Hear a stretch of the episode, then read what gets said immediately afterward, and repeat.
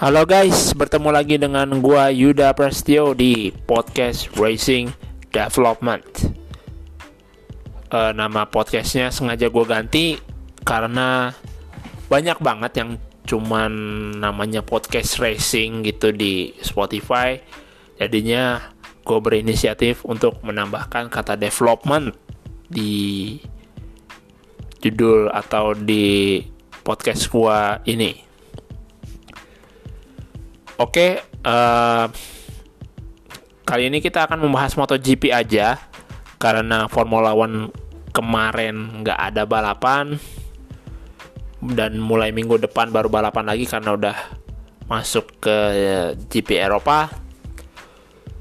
Dan kali ini kita akan membahas dari mulai kelas yang paling bawah yaitu kelas Moto3. Di kelas Moto3 kita dapat pemenangnya yaitu adalah Pedro Acosta yang mencatatkan waktu 38 menit 22,430 detik di depan Darren Binder yang sangat tipis selisihnya yaitu 0,39 detik.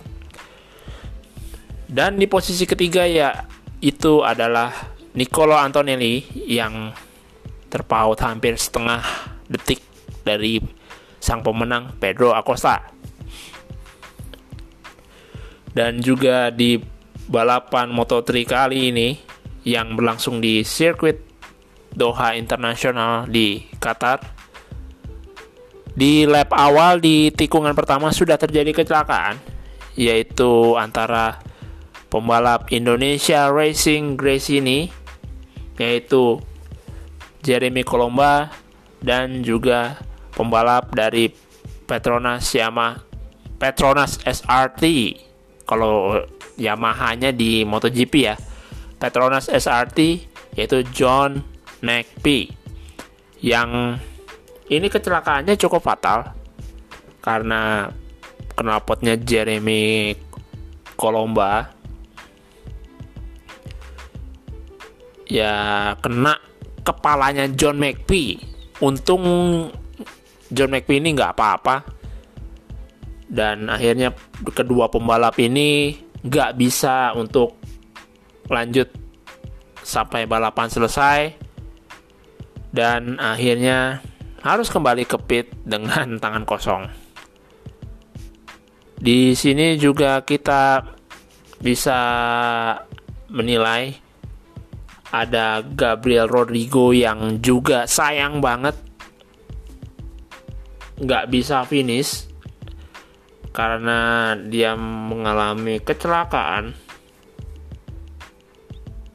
Sayang banget uh, pembalap Indonesia Gresini Racing Team ini nggak bisa menunjukkan performa yang bagus di race kedua Qatar kali ini. Oke, kita langsung aja ke kelas di atasnya yaitu Moto 2.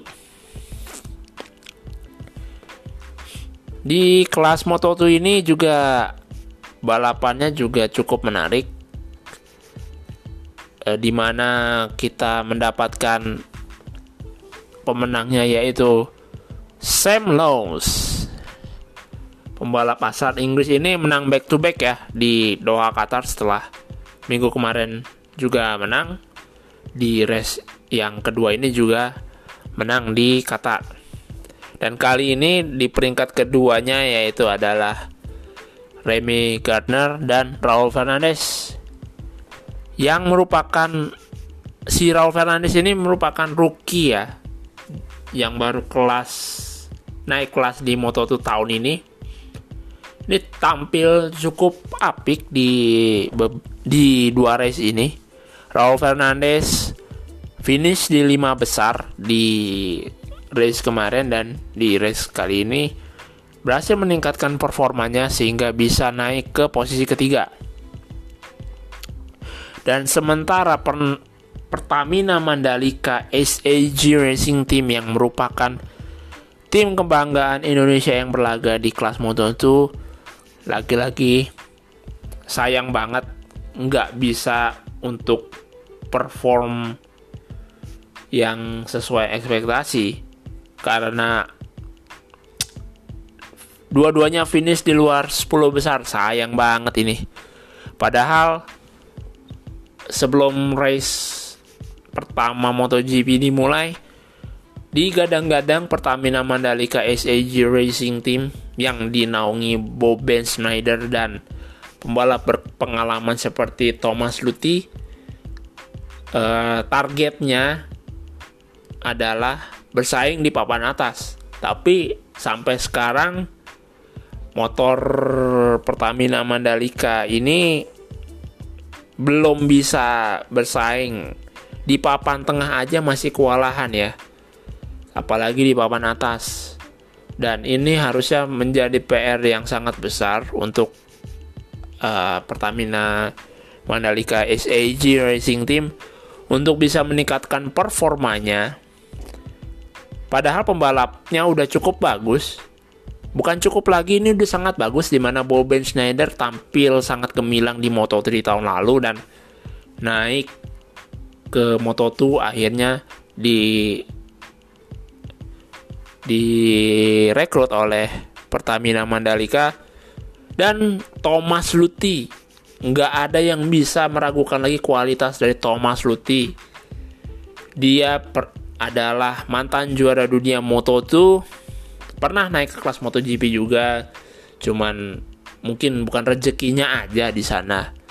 Akhirnya kembali lagi ke Moto2 waktu waktu tahun beberapa tahun lalu dengan tim Mark VDS dan sekarang ada di Pertamina Mandalika SAG Racing Team yang harusnya Thomas Ruti bisa mengangkat performa tim ini menjadi tim yang patut diperhitungkan di ajang Moto2.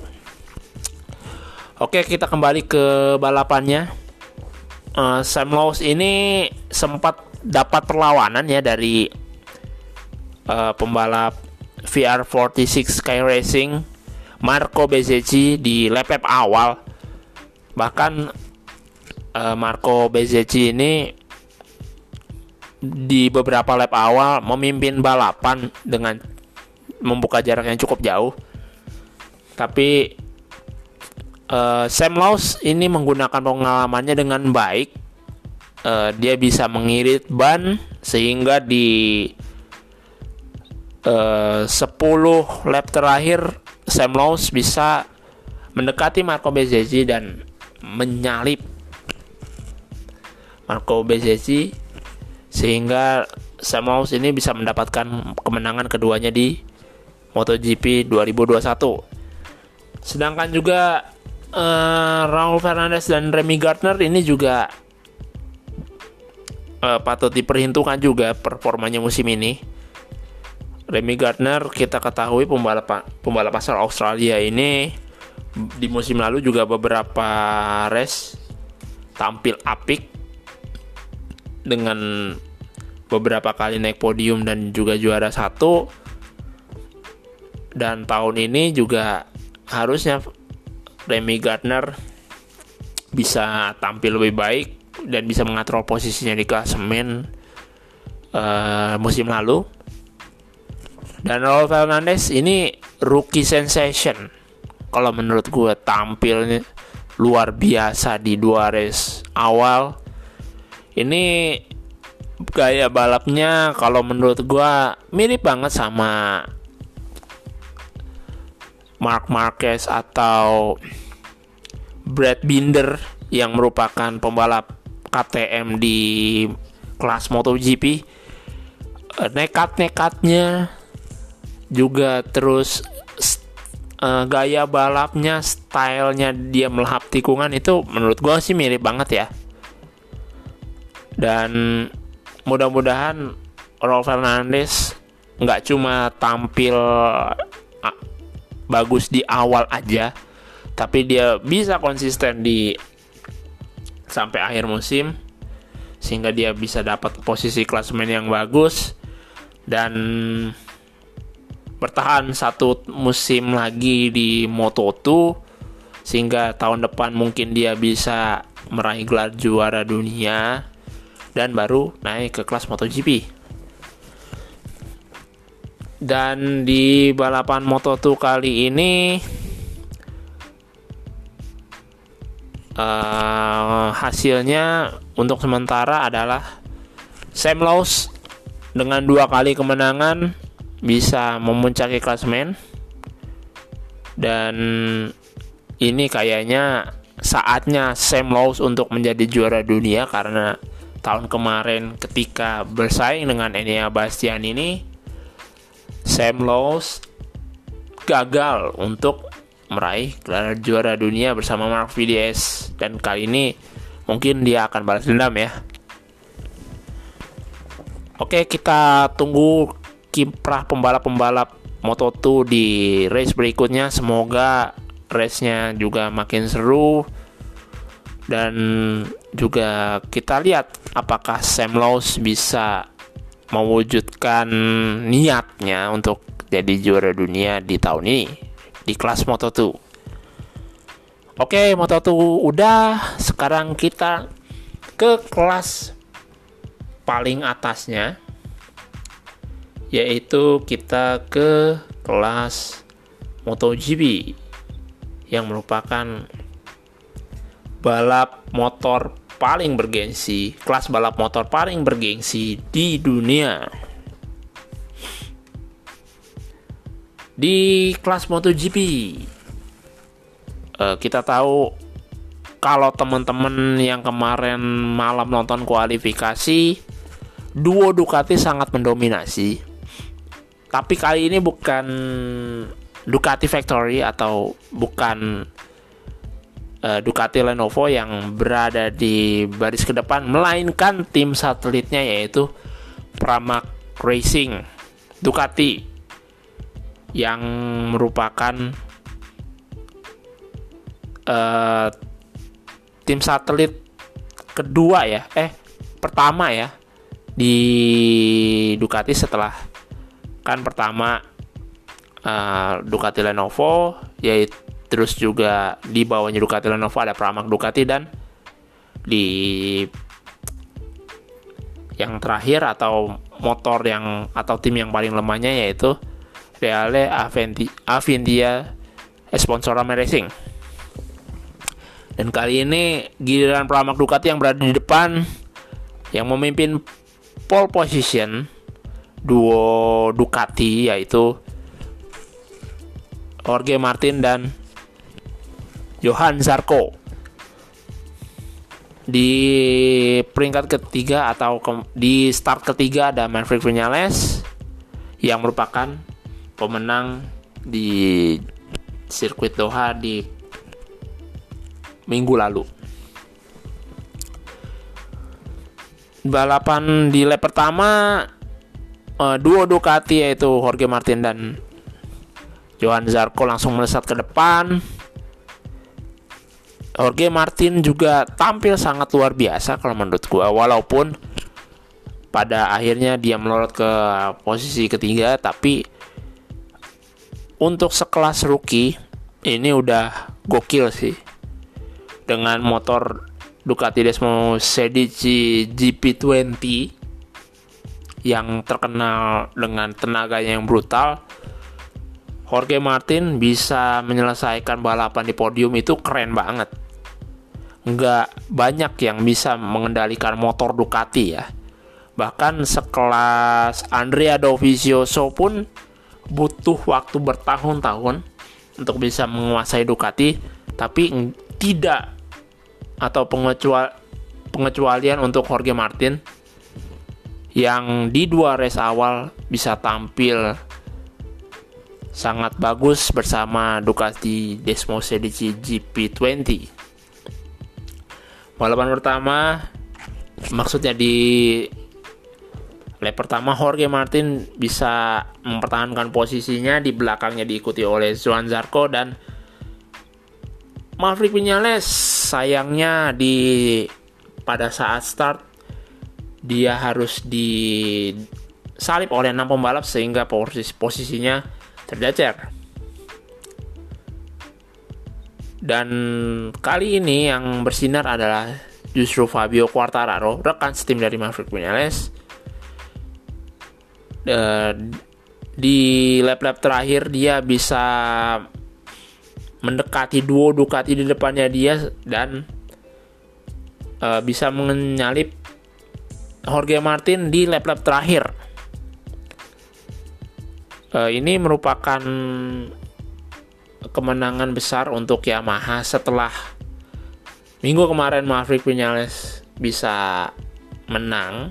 Sekarang giliran Fabio Quartararo dan juga ini adalah mungkin awal dari kembalinya performa Fabio Quartararo setelah di musim kemarin di awal-awal balapan bersama timnya yang lamanya itu Petronas Yamaha SRT dia bisa tampil konsisten di sirkuit Jerez di dua race awal.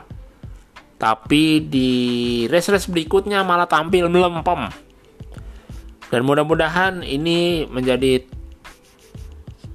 uh, awal kembalinya performa dari El Diablo, julukan dari Fabio Quartararo, untuk mewujudkan impian yang tertunda untuk menjadi juara dunia.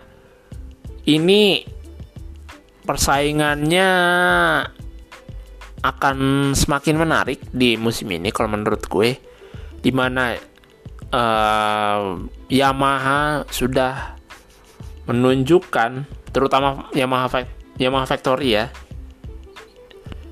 sudah menunjukkan kekonsistenannya mereka di dua race awal di Maverick Vinales Fabio Quartararo bisa tampil bagus dan bisa bersaing dengan Ducati di yang merupakan track favorit Ducati di GP Doha